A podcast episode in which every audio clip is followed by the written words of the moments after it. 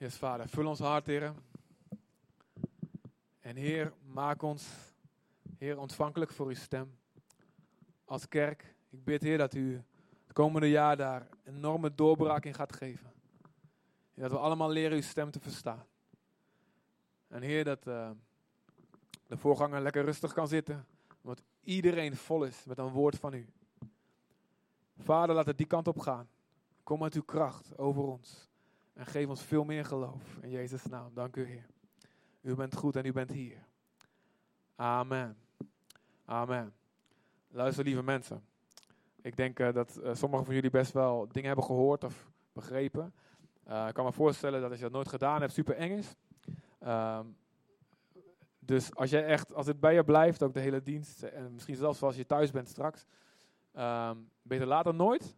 Geef het gewoon, kom bijvoorbeeld naar mij. Um, of kom alsnog straks opstaan aan het einde van de dienst. Doe het. Wie weet is jouw woord cruciaal voor het geloof van iemand anders. Um, voor een hele belangrijke beslissing die ze moeten nemen. Um, en als je het eng vindt, je kunt eens naar mij komen en zeggen, nou is dit wat? En als ik zeg van, nou dit is wel heel erg belachelijk wat je nou zegt, dan, ben ik, dan ga ik heel eerlijk zijn. Ja? Ik een paar keer maar over doen. Uh, dus dan heb je nog een soort veiligheid. Dan sta je niet meteen voor paal. Maar mensen, dit is hoe de eerste kerk het deed. En dit is, eigenlijk de enige manier die in de Bijbel staat hoe een dienst moet gaan. Is dat mensen profetisch zijn. Dat de kerk profetisch is. Dat de stem van God verstaan wordt door meerdere mensen alleen. Ja, dus je weet me te vinden. Je weet waar mijn huis woont. Bosana onder. Oké. Um, ik ga even mijn Bijbel pakken. En uh, we gaan ook de, de Facebook live gaan we aanzetten. En ondertussen, dus het kost eventjes 10 seconden om een Bijbel te pakken, gaan jullie eventjes heel veel mensen groeten en knuffelen en high-fiven en gelukkig nieuwjaar wensen. En vooral allemaal mensen, nieuwe gezichten, die ga je extra lief welkom heten. Dat gaan we even doen. Amen. En dan heb ik, uh, ben ik er klaar voor.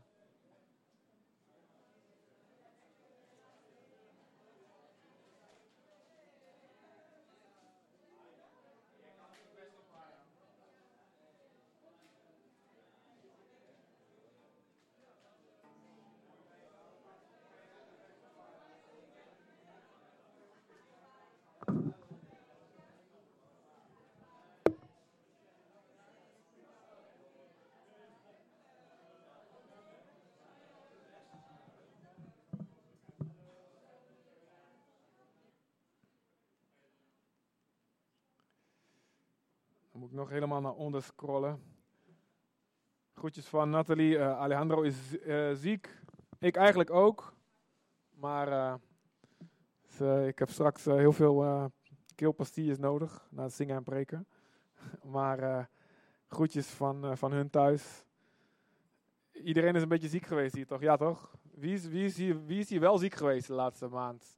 Wie helemaal niet? Wie heeft, halleluja, sterke genen? Of je kust gewoon niemand. Even kijken, waar is die? Yes. Daar is hij. Um, dacht ik vroeger echt, je kan op Aruba niet ziek worden. dacht ik, ja, warm. Maar dat is dus gewoon een virus, hè. Griep. Dus. Oké, Facebook Live is, ook, is dat ook weer. Hallo Nederland, of waar je ook kijkt. Um, Nederlandstalig in ieder geval. Um, kerk, zwaai eventjes jongens, naar dat ding daar. Niemand, ja, is allemaal buiten beeld, maakt niet uit. Jullie zien het niet, hè? de zaal zit helemaal vol. Er zitten wel 400 man hier, dat kun je net niet zien. Jammer in Nederland. Jammer, dit is, dit is mijn goede kant eigenlijk. Hier heb ik een kuiltje. Dus je zie, aan die kant zie je dat niet. Maar goed, ik moet sterven aan mijn vlees. Alright, we gaan naar... oh ja, voor de mensen hier wel heel hard lachen om mijn grapjes, zeg maar. Anders dan staat dat zo, zo ook voor de mensen daar. Staat heel raar dat ik grapjes maak en als enige lach. Alright? Oké, we gaan naar... Dat wordt wel een hele serieuze preek trouwens. Jacobus 4. Jacobus 4, vers 17.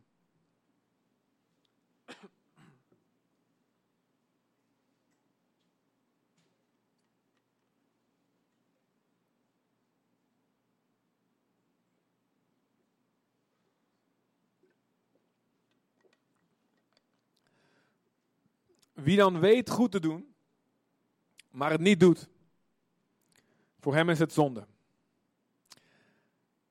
Dit uh, wordt wel de zonde van nalatigheid genoemd.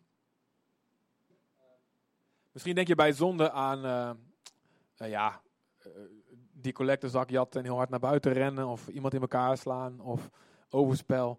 Ehm, dan denk je aan iets actiefs, iets wat je doet. Maar ehm, hier zegt God heel duidelijk iets. Als je weet iets goeds te doen en je doet het niet, dan is dat ook zonde.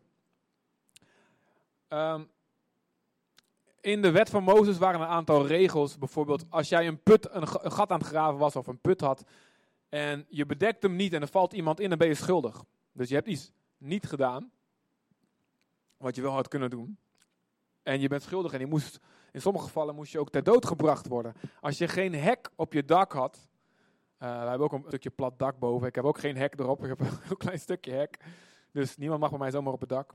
Als je geen hek op het dak hebt uh, en iemand valt eraf, ben je schuldig, zegt de wet van Mozes. Als je een rund hebt, die met vuurwerk stunt, dat is een oude slogan. Als je een koe hebt en je weet dat die koe, of een stier waarschijnlijk dan, wie heeft Ferdinand gezien in de bioscoop? Nee, we hebben wij met kerst gedaan. Leuke film. Als jij een stier hebt en je weet dat die stotig is, staat er. Dus je weet dat die graag uh, mensen met rode kleren. Mensen met, uh, met rode kleren, ja, Arjan is de pineut. Aanvalt.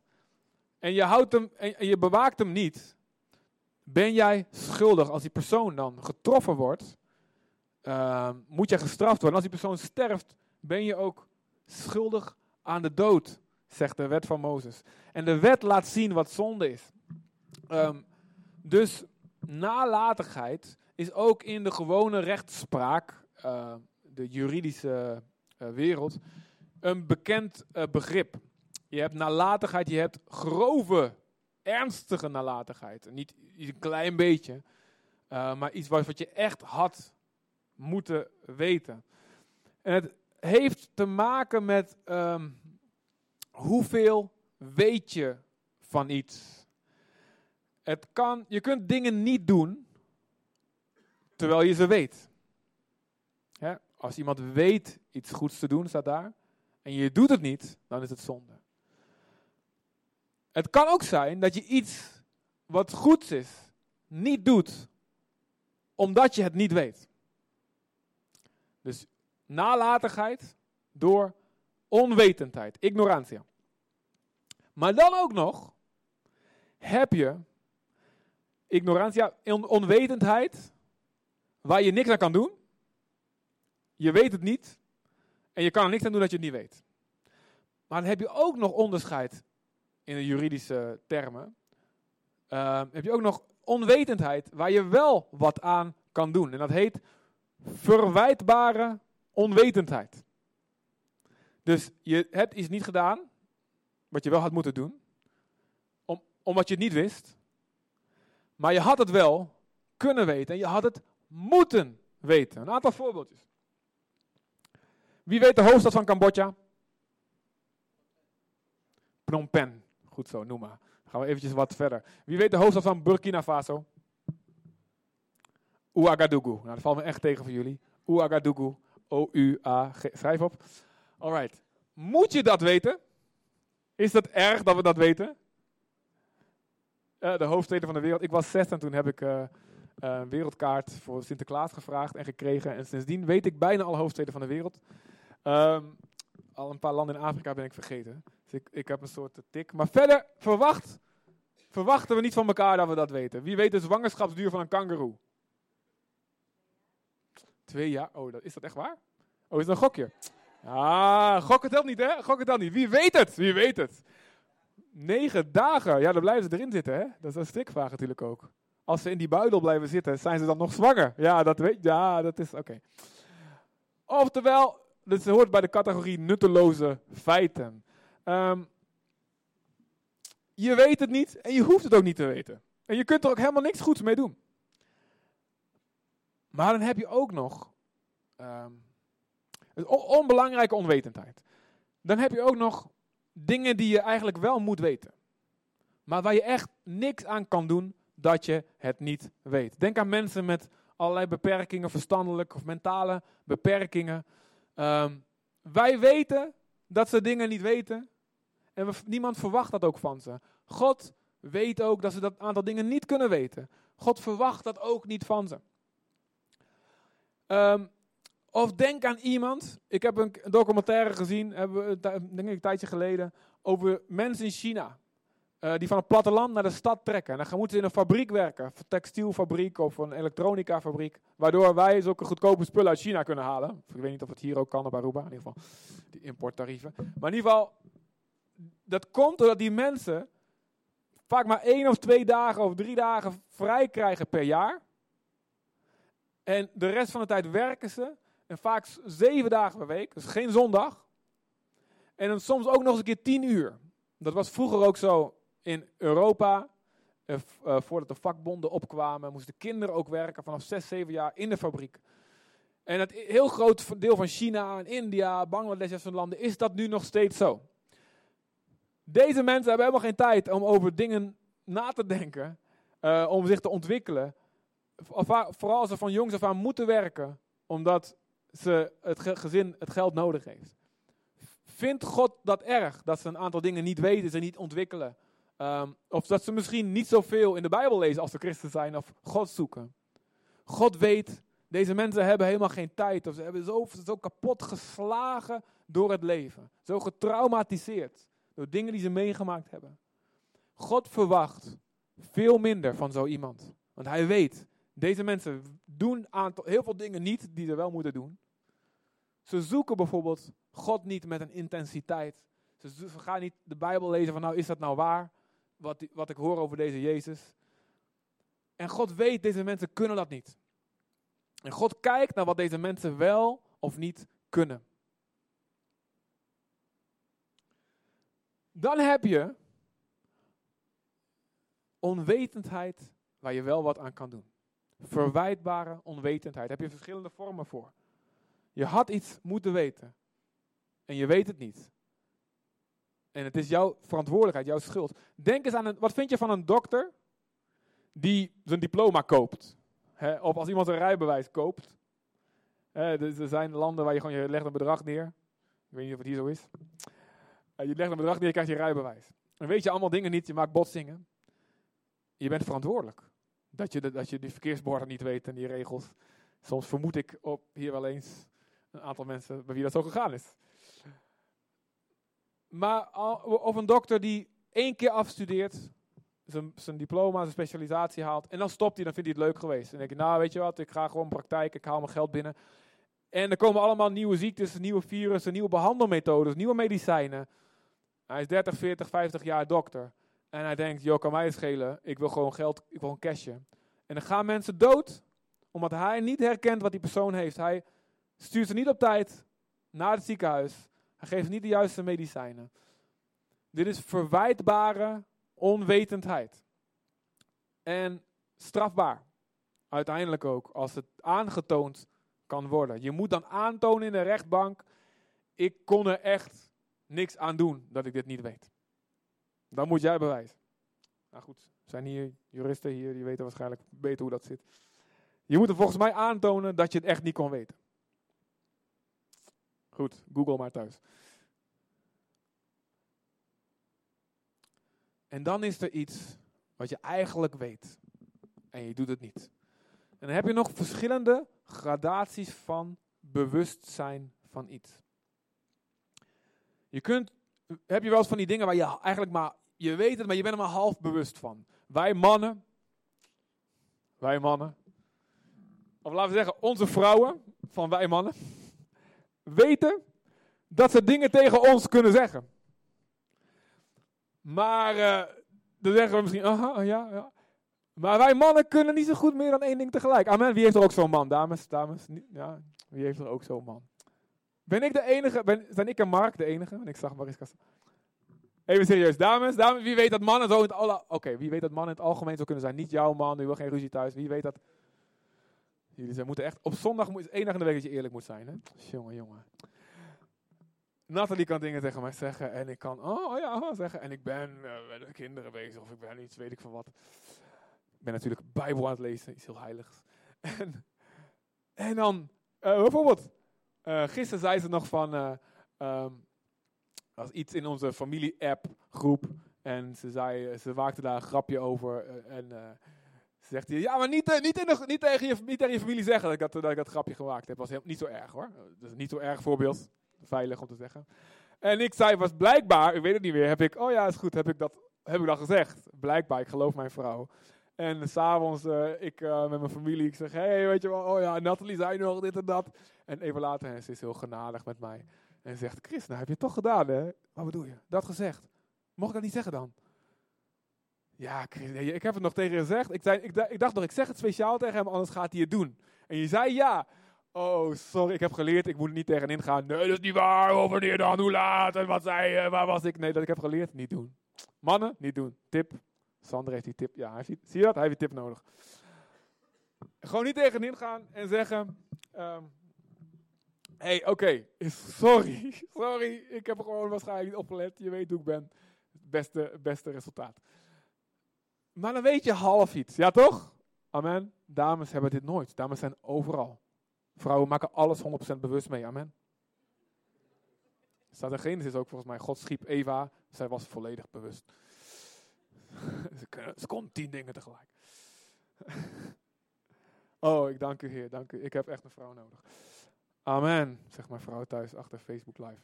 Um, of, maar je kunt ook volledig bewust van iets zijn en het negeren. En zeggen, ik doe dit niet.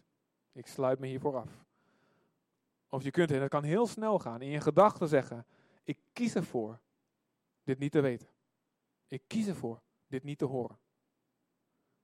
Ik kies ervoor deze telefoon niet op te nemen of wat dan ook. Ik, ik doe dit niet. En God weet in hoeverre wij bewust zijn van dingen en niet. De Bijbel zegt, Hebreeën staat het woord van God is levend en krachtig. Het haalt als een zwaard van de geest ziel en geest uit elkaar. De diepste gedachten van iemand legt die bloot en openbaar. Oftewel, wat soms heel snel als een flits tuk, tuk, tuk in, je, in je hersengolven kan gaan. Die persoon heeft hulp nodig. Oh, ik heb geen zin. Ik moet eigenlijk dit gaan doen. Ik, ik wil niet, ik wil iets anders doen. Ik, ik, ik heb haast, ik heb belangrijke... Je geweten of Heilige Geest zegt, je moet het doen, uh, Christus, is niemand anders. En je zegt, ik, ja, dat hele gesprek en de excuses die jij maakt, en of die terecht zijn of onterecht, dat wordt allemaal uitgeprint boven door een speciale printengel. Weet je dat? Weet je dat? Xeroxiel heet die volgens mij. En uh, die.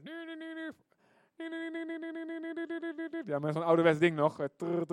Met zo'n zo'n lint en zo. En dan het allemaal wordt erop uitge, uitgedraaid. En dat wordt allemaal bewaard in van die hele lange stukken papier. En straks bij het oordeel uh, wordt het allemaal voorgelezen. Heer, ik wist het niet. Ik heb er nooit van gehoord. Oh ja, zes, wat is vandaag? 14 januari om uh, 10 uur, uh, 11, of 22 uh, oktober 2014 heb jij dit en dat gehoord. En hier hebben de hersengolven, hersenscan, de MRI-scan van deze andere engel, de MRI-engel, MRIL. Die heeft gezien dat jij hier dat binnengekomen is in je prefrontale hippocampus cortex dinges, schors, stam, boom. Dus je wist het. En je was hier 100% van bewust. En God weet ook, je was hier maar half van bewust. Maar je had hier ook wat meer aandacht aan kunnen geven. Op dat moment. Oftewel, er staat in de Bijbel, niemand zal meer een verontschuldiging kunnen hebben voor de troon van God.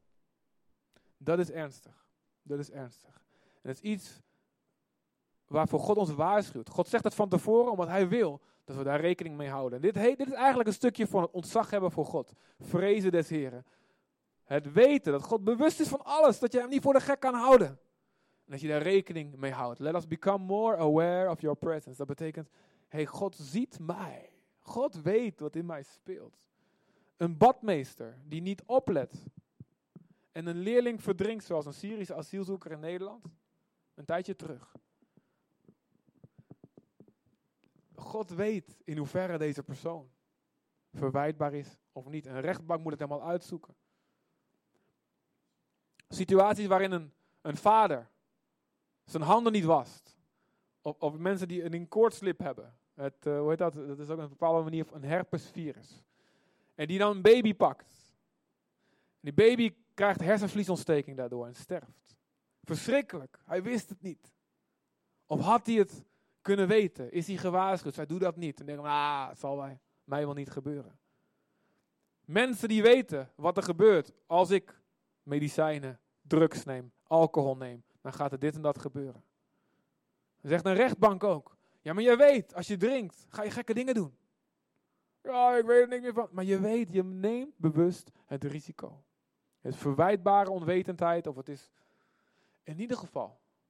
En wij kunnen zelfs op aarde, kunnen rechtbanken voor de gek gehouden worden. Of eigenlijk kan iedereen aanvoelen, deze persoon is schuldig, maar er is gebrek aan bewijs en ik kan vrij uitgaan. Maar bij God is alle bewijs aanwezig.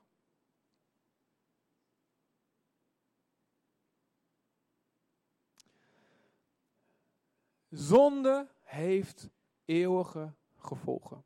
Actieve zonde, stelen, liegen, kwaadspreken, alles heeft gevolgen. Maar ook de passieve zonde heeft gevolgen. En dat is iets waarvoor God ons graag wil waarschuwen. Hij wil ons daar bewust van maken. Als God iets tot jou zegt om te doen, of als jij in de Bijbel leest iets om te doen. Als je in een preek hoort, een Bijbeltekst wordt, wordt voorgelezen, en je weet hoort het woord van God. En je doet dat niet, dan heeft dat gevolgen. Nogmaals, dit gaat allemaal zo snel. Onze dagen zijn volgepropt. Er zijn afleidingen links en rechts. Onze telefoon bliept en, plip en, en, en knippert. Onze kinderen hebben dingen nodig. We moeten weer naar werk. We krijgen slaap. Er is iets leuks op tv. Er is van alles. En God weet dat. En God weet dat. De duivel die doet zijn best om ons af te leiden van wat God gesproken heeft. En om excuses aan te dragen, doe dat maar niet. Maar neem niet weg. Het heeft gevolgen. Ik ben er vast van overtuigd. En als het hele volk van God wereldwijd, als alle christenen wereldwijd, doen alleen wat het Nieuwe Testament zegt, gewoon de geboden van Jezus en de apostelen. Als we dat allemaal gaan doen, is opwekking, is zijn landen die massaal zich tot Jezus keren. Er zullen altijd een paar diehards zijn die echt niet willen. Maar, dat zal, maar eh, steden die in meerderheid christen zijn, echt Jezus volgen, is een makkie. Want Jezus zal zo onweerstaanbaar worden. Als wij de woorden van God zo serieus nemen, dat we zeggen, we, zijn, willen in niks nalatig zijn. Als God het jou zegt, weet je wel, laat, wees, laat, laat je vriendelijkheid bekend zijn bij alle mensen. Als je dat serieus gaat nemen, als je het woord voor woord gaat pakken. Vriendelijkheid, vriendelijkheid, wat betekent dat? Wat is vriendelijkheid? Behulpzaamheid, uh, gastvrijheid, uh, glimlachen naar iemand, iemand welkom heten, dingen van mezelf aan de kant zetten, dienen, koud water, weet je. Als we dat elke dag zo bloedserieus nemen en daar niet nalatig in zijn, alleen al door jouw leven. En ga je misschien in plaats van dat je één persoon tot Jezus leidt gedurende jouw leven, ga jij de twintig tot Jezus leiden. En als die twintig het weer gaan doen. En als wij dat allemaal met z'n allen gaan doen. Oftewel, de, dat is een beetje een moeilijk woord. De cumul, onze cumulatieve gehoorzaamheid. Obediencia cumulativo. Denk ik in het papiament. Zorgt voor een uitbraak van de Heilige Geest. Dat die, die, weet je wel, als we bidden, oh God, breng een grote doorbraak, opgewekt door ons gebed. Komt als God ons opwekt, radicaal gehoorzaam te zijn en nergens nalatig in te zijn. Amen. En, het, alle 400 zeiden amen. Oh, even mijn goede kant laten zien. Luister. God weet ook dat wij hier heel vaak niet bewust van zijn. God is heilig. God is de rechter. God is degene bij wie alles open en bloot ligt. En voor we, waar, we niet kunnen wegvluchten of onder de vloer kunnen kruipen. Maar God is ook genadig. God wordt niet blij om ons te oordelen. Het is niet zijn vreugde. Hij zegt, ik, waar ik blij van word, zegt Ezekiel 18. Als iemand zich bekeert van zijn zonde, er bewust van wordt, zich bekeert, het beleid, en ik hem vergeef. Ik vergeef hem van harte. En die gevolgen van die zonde zijn groot. Doordat wij dingen niet doen, gaan mensen naar de hel. Dat is de waarheid, jongens. En vaak willen we dat niet zien, maar het is zo. Door onze nalatigheid gaan mensen verloren die God had willen redden. Door onze en, het, en het kan direct zijn, het kan ook indirect zijn. Als God je een kind laat zien om die liefde te geven. Misschien op je werk. Gewoon, je kunt niet alle kinderen helpen, maar je kan één kind wat thuis het moeilijk heeft. Kan je liefde geven, kan je aandacht geven. Iets van Jezus doorgeven. Misschien wordt dat kind later een evangelist. Die duizenden mensen gaat redden. Wel of niet. Ik ken letterlijk, ik heb geen tijd voor zo'n verhaal te noemen. Ik ken letterlijk verhalen waar dit zo geweest is. Eén kind, een Afrikaanse stam. Enige kind wat mensen konden bereiken. Een Zweeds echtpaar kon bereiken. Ze gingen naar Afrika. Vrouw ging dood. Stierf uiteindelijk daar in Afrika door ziektes. En de man ging helemaal verbitterd naar huis. Ze konden de hele stam waar ze naartoe gingen, konden ze helemaal niet in. Er was maar één kindje wat af en toe eten mocht verkopen aan dit gezin. En, ze zeiden, nou, als we niemand kunnen, met niemand over Jezus mogen praten, doen we maar bij dit, dit kind. En ze dachten, er gebeurt niks. En dit kind, letterlijk is geen overdrijving, sticht later kerken, bijbelscholen. En later staat er een stand, zet hij een standbeeld van dit gezin. Hij wist niet meer wie ze waren. Hij heeft een standbeeld laten neerzetten midden in de stad voor dit gezin. En deze Zweedse vader is verbitterd geraakt. Heeft God de rug toegekeerd. Zijn gezin mocht niet meer over God gesproken worden. Hij is zijn vrouw verloren. Maar één babytje wat geboren was, vlak voor die moeder stierf. Die, bij de, ja, die moeder stierf bij de geboorte of is rond, rond die geboorte. Die werd weggegeven aan een ander gezin. Hij kon niet meer voor zorgen. Die zoekt haar vader op. Die woont in Amerika. Zoekt haar vader op op zijn sterfbed. En vertelt hem wat ze gezien heeft. Eén kind. Eén kind. En als we het niet doen, als God spreekt, doe het en hij blijft. En je wordt er bewuster van en bewuster van en we doen het niet. Dan is dit zonde. Psalmen staat, en dat vind ik zo fijn. Wij kunnen niet al onze overtredingen opmerken. En God spreek mij vrij van zonden die voor mijn ogen verborgen zijn. Spreek mij vrij van zonden die ik niet zie. Ook nalatigheid waarvan ik het niet door heb. Dus het is zo fijn als een gebed in de psalmen staat, weet je, dit is Gods wil. Dus als je echt dingen niet weet, God heeft genade. Maar hij wil wel dat je steeds meer bewust wordt van dingen. God heeft genade. Maar als er dingen, als jij wel bewust wordt, hé, hey, ik heb iets niet gedaan. Beleid dit als zonde. Ook als christen.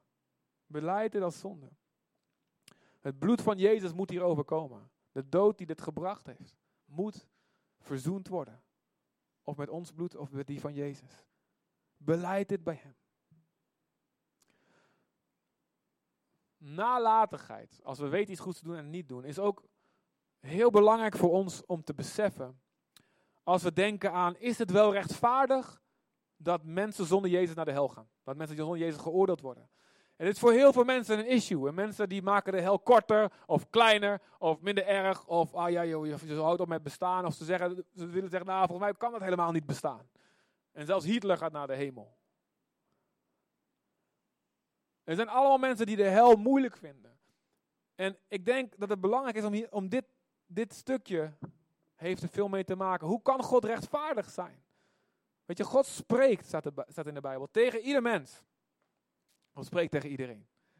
Maar we antwoorden niet. We, mensen krijgen in hun hart meerdere periodes dat eigenlijk de Heilige Geest tot ze spreekt. Ga God zoeken, ga de waarheid zoeken. En God weet dan wat je er wel of niet mee doet. God zegt, tegen, ook tegen ongelovigen, ga hun helpen. We zeggen massaal, dat is mijn probleem niet. Ben ik mijn broeders hoeder?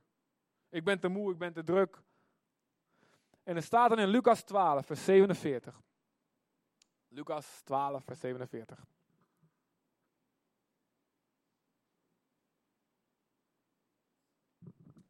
De dienaar die weet wat zijn Heer wil, maar geen voorbereidingen treft en niet overeenkomstig zijn wil handelt, zal veel slagen te verduren krijgen. Let op.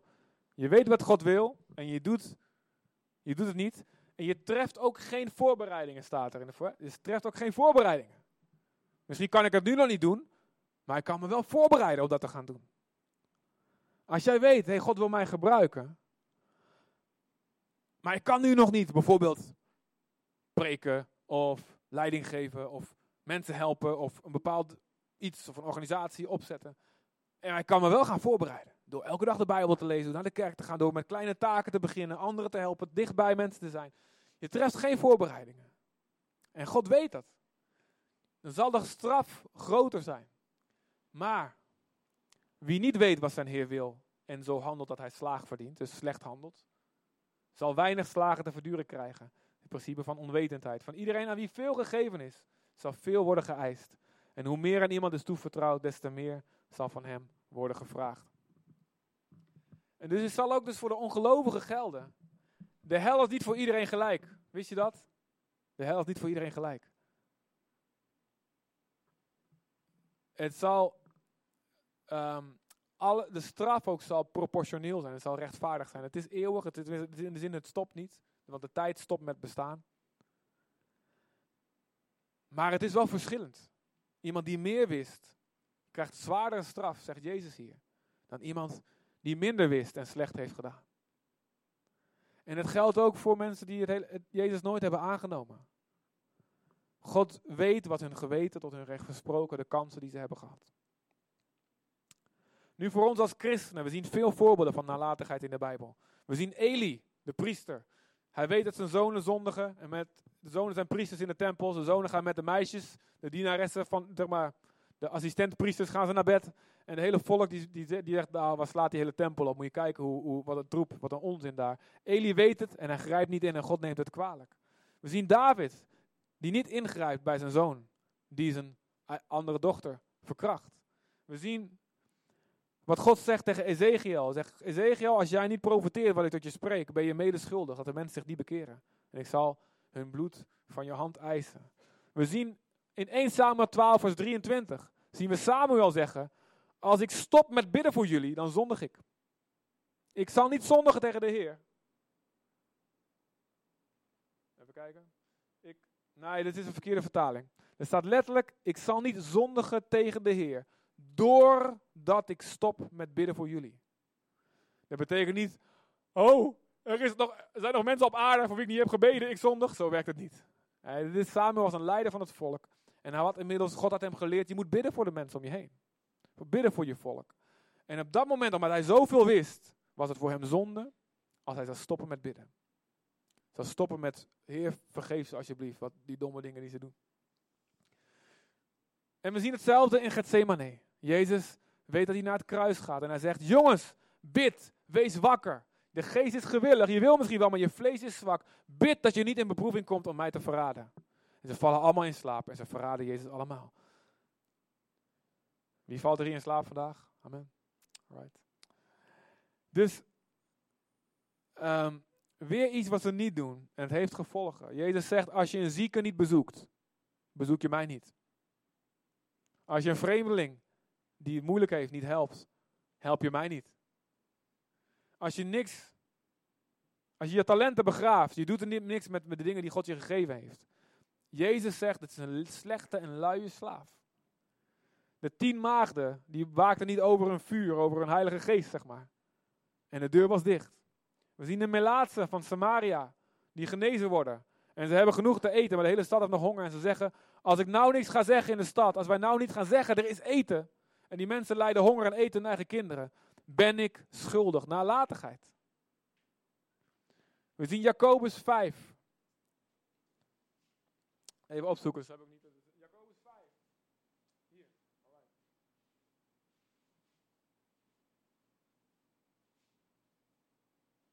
Jacobus 5 vers 3. Daar, daar zegt Jacobus tegen de rijken, jullie hebben problemen, want je bent schatten gaan verzamelen in de laatste dagen. Je hebt je schatkamers gevuld. Je bent bezig geweest alleen met je eigen rijkdom, met meer en meer rendement, bitcoins en toestanden. En je hebt je niet, sorry bitcoin-eigenaars, wel tien ervan geven, hè? Oké, één bitcoin, hoeveel is die waard? Je bent bezig geweest met rijkdom en je hebt je niet bekommerd om de armen. Je hebt niet bekommerd om de zaak van het koninkrijk van God. Nalatigheid.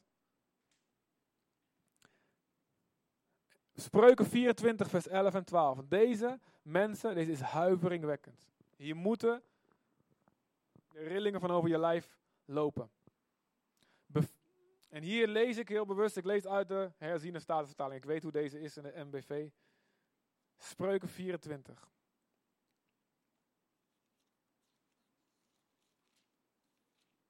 Red hen die opgepakt zijn om te sterven. Wee als u zich afzijdig houdt van wie wankelend naar de slachting gaat. Wanneer u zegt, zie wij hebben het niet geweten, zal hij die de harten toetst dat niet merken en hij die uw ziel gadeslaat, inspecteert, bekijkt, zal hij het niet weten. Immers hij zal een mens vergelden naar zijn werk. Als wij weten dat het oordeel van God komt over de, over de hele wereld en dat Jezus de enige redding is, dat zijn bloed voor iedereen gevloeid heeft en dat zijn bloed kan betalen voor de zonde voor iedereen. En we doen niet ons best. Je hoeft, je hoeft niet meteen alles al te kunnen, maar je doet voorbereidingen treffen, weet je wel. Je doet niet je best. Oké, ik wil mijn leven zo inrichten dat ik daaraan kan bijdragen. Misschien ben je geen prediker, misschien durf je helemaal niet te praten met mensen, maar je doet je tenminste je best. Je, je, je probeert jouw. Oké, nou, ik, ik kan niet op de voorgrond staan, maar ik kan op de achtergrond kan ik wel dit en dit doen om het te ondersteunen. En zo red je mensen die verloren gaan. En als wij niks doen, God, staat God ziet het. God ziet het. En Paulus zegt, wee mij als ik het evangelie niet verkondig in 1 Korinthe 9. Ik doe het graag, met alle plezier. Maar als ik het niet doe, ik, ben, ik moet het. Ik moet het gewoon. En zo zie ik mijzelf ook. Ik heb zo'n openbaring van Jezus gehad in Indonesië. Ik heb zoveel dingen daarna met God meegemaakt. Hij heeft me zoveel laten zien. Als ik niet doe wat ik nu doe, joh, dan kan ik mezelf geen eens een gelovige noemen. Als ik niet God dien op de manier zoals ik dien. Dus daarom kan ik ook eerlijk zeggen, weet je, ik, ik, ik word echt niet trots van, nou, ik ben uh, de zendeling en bla bla. Ik, ik, ik ben gewoon een idioot als ik het niet doe. Ik moet dit doen. Ik wil het ook, maar ik moet dit doen.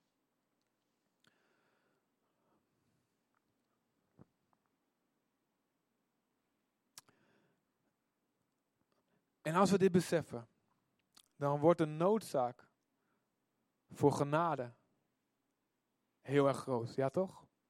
Genade voor jezelf. Genade voor de mensen om je heen. Want als je dit helemaal tot je door laat dringen, dan ga je inzien, wauw, we zitten allemaal in de problemen. Ja, toch? We zijn allemaal medeschuldig aan de honger, aan het onrecht in de wereld. Want allemaal zijn we nalatig. Amen. Of kunnen iemand, is hier iemand die zegt van, nou nee, ik doe alles wat ik kan.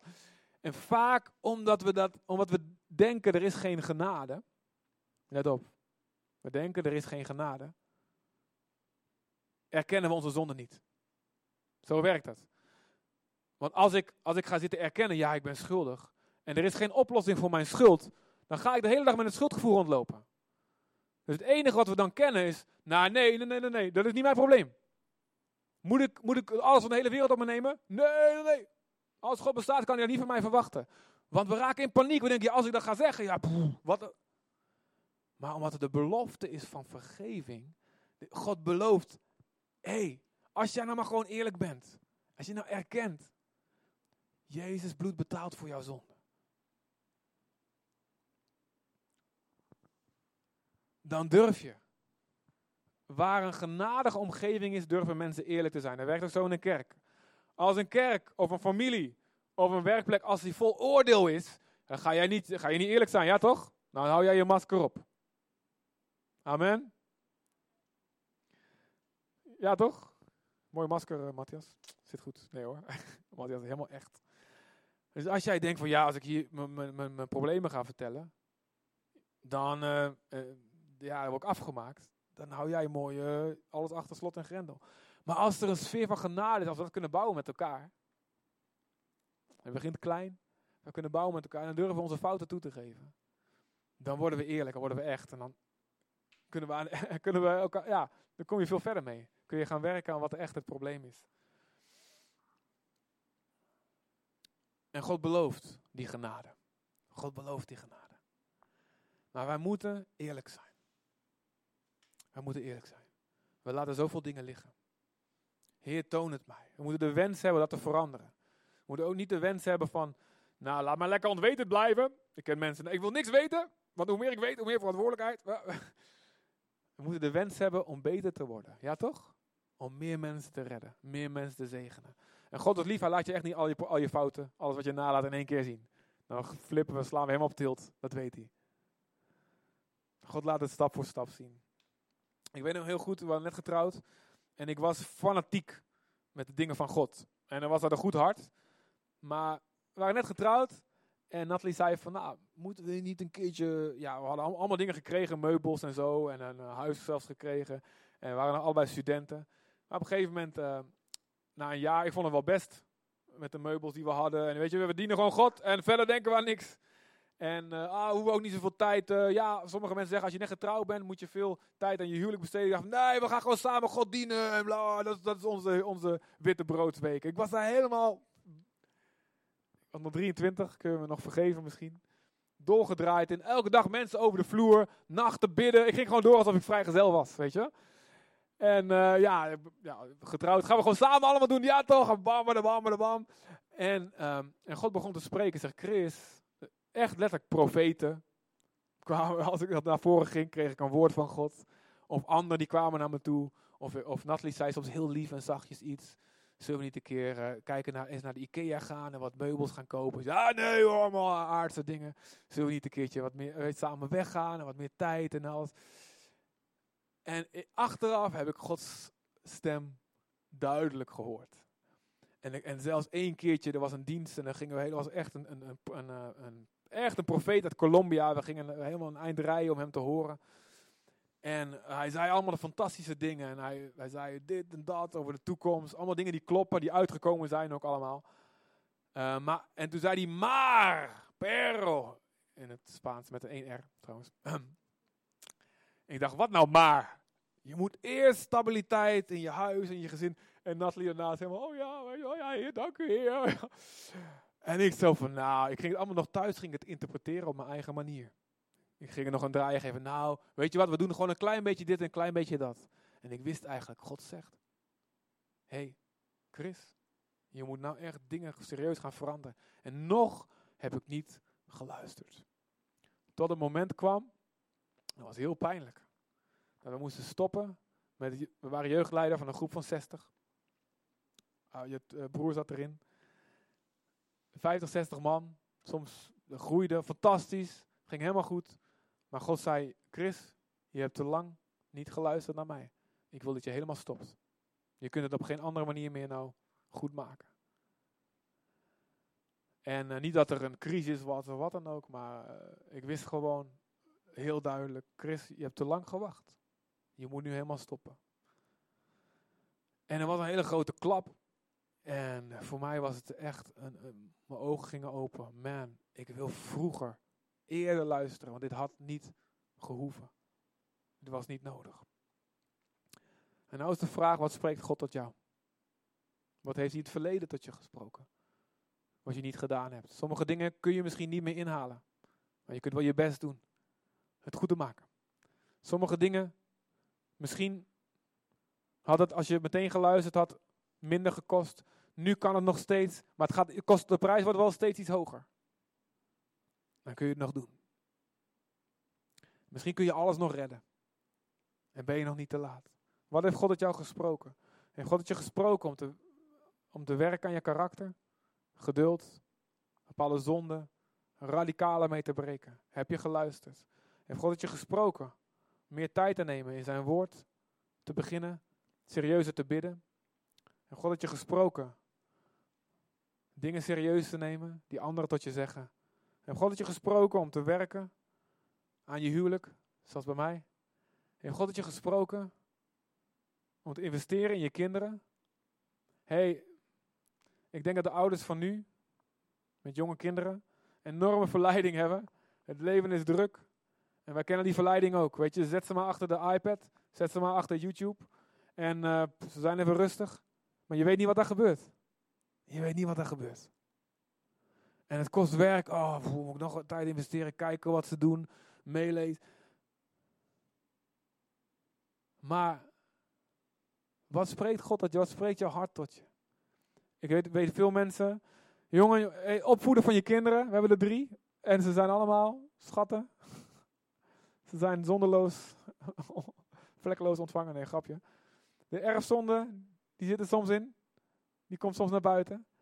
En die opvoeden kost, is veel meer werk als het maar laten gaan. Korte termijn. Maar lange termijn krijg je problemen. Wat heeft God het je gesproken? Wat zegt hij in je hart? Ben je daarin nalatig? Heeft God het je gesproken? Of gewoon in je hart, hij zegt, joh, onderhoud deze vriendschap.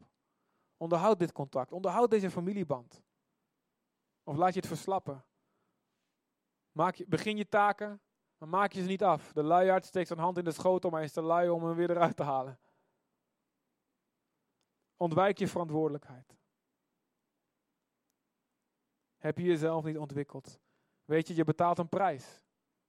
Op een gegeven moment had je hier kunnen zijn en je bent nog steeds hier. En God mist wie jij had kunnen zijn. Weet je dat? En weet je, jouw gezin, de mensen om je heen, missen wie je had kunnen zijn. Als je structureel had geluisterd en had gedaan wat God gezegd heeft. Als je het ontdekt, natuurlijk, haal het in. Paulus was ook later bekeerling. Maar het, is het beste is als we voortdurend luisteren naar de stem van God. En zeggen, Heer, ik, ik, wil, ik ben vast nalatig in dingen, maar ik wil in niks in nalatig zijn. Dan houden we het groeitempo wat hij gepland heeft. Maar de vraag is, missen mensen zonder dat jij het weet? Zonder dat zij het weten. Missen mensen iemand om hun heen? Die jij had kunnen zijn, maar die je niet bent. Geworden, omdat je niet geluisterd bent.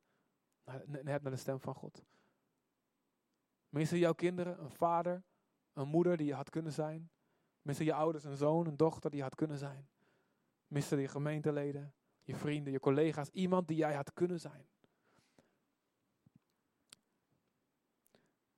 Maar veel belangrijker is nog de toekomst. Gaan over twintig jaar. Mensen iemand missen. En ze weten niet dat jij het had kunnen zijn. Was er maar iemand die mij bemoedigt.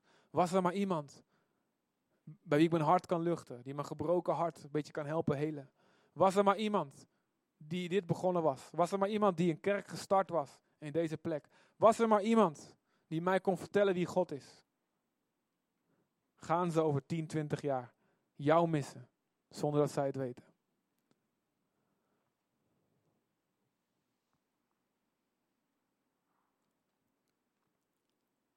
De prijs van nalatigheid betekent dat anderen meer last moeten dragen die jij had mee kunnen dragen. Dat anderen het opgeven terwijl ze door hadden kunnen gaan.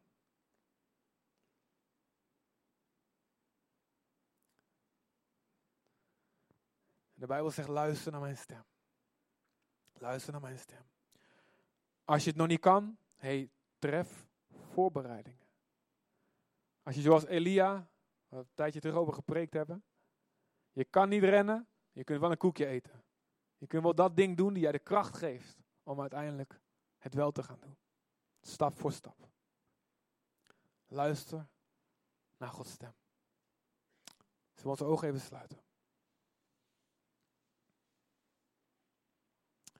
Vader God, ik bid Heer dat u ons helpt, Heer. Ten eerste laat ons uw genade zien. We danken u dat u, u snapt, Heer. U begrijpt. U begrijpt wat we allemaal laten liggen. Maar u baalt er wel van. En wij balen er ook van. Als God jouw dingen heeft laten zien, die je hebt laten liggen. Wacht niet, verzin geen smoes, zeg gewoon, Vader vergeef me, vergeef me, vergeef me. Noem ze op, op dit moment. Beleid je zonde bij de Heer. Als je moet knielen, of als je moet staan, of wat, doe, doe wat je moet doen. Beleid je zonde, zeg het, zeg het, noem het op. Ik had dit kunnen doen, ik had dat kunnen doen. Als je twijfelt, zeg gewoon, Heer, ik weet het eigenlijk niet of, of, of, dit het is of niet, maar zeg het maar gewoon voor de zekerheid. Het is nooit erg om iets te beleiden wat eigenlijk in Gods ogen toch wel oké was of anders lag. Dat snapt God ook. Maar wees eerlijk, wees eerlijk. Laat het niet na. Wees nu niet nalatig. Heb je een belofte gemaakt? Laat je ja ja zijn en je nee nee. Mensen rekenden op je en je was er niet. Zeg, vader vergeef me. Ga ook naar die mensen toe. Kan je je belofte nog vervullen? Doe het dan. Zeg, sorry man, ik, had dit, ik, heb, ik zei dat ik dit zou doen, ik heb het niet gedaan. Hier ben ik. Kan ik het nog goed maken? Beleid, wees eerlijk, wees eerlijk. En laat het bloed van Jezus je schoon wassen. Ontvang de vergeving, ontvang de vergeving. Ontvang de vergeving van God. Hij is genadig, hij is lief. Hij is geweldig, hij begrijpt het. Hij begrijpt het. Maar bij bekering hoort ook dat we zeggen, Heere, Ik wil het nooit meer doen. Ik wil het nooit, Heer, alsjeblieft. Oh, geef me een grotere capaciteit om u te horen. Geef me een zachter hart om sneller te luisteren. Oh God, Heer, laat me niet verslappen. Laat een gewillige geest mij ondersteunen. Alsjeblieft, Heer. Vul me nu met de Heilige Geest. Ik heb zoveel meer van u nodig. Zoveel meer. Vul me. Ik kan dit niet zelf. Want ik weet, ik voel dit nu, maar morgen ben ik het vergeten. God, vul me met de Geest. Elke dag. Laat me dit niet vergeten. Zoals vorige week, die eerste liefde, God. Laat me dat niet vergeten. Hou mij on fire, Heilige Geest. Vul mij. Oh, vul mij, Jezus. Vul mij. Schreeuw het uit naar Hem. Schreeuw het uit naar Hem. Zeg, Jezus, Jezus, hier. Hier ben ik, hier ben ik, hier ben ik, hier ben ik. Laat me geen luiaard zijn. Laat me verzamelen in de zomer, in een tijd van overvloed. Zodat ik klaar zal zijn voor de winter. Kom, Heer, kom, Heer.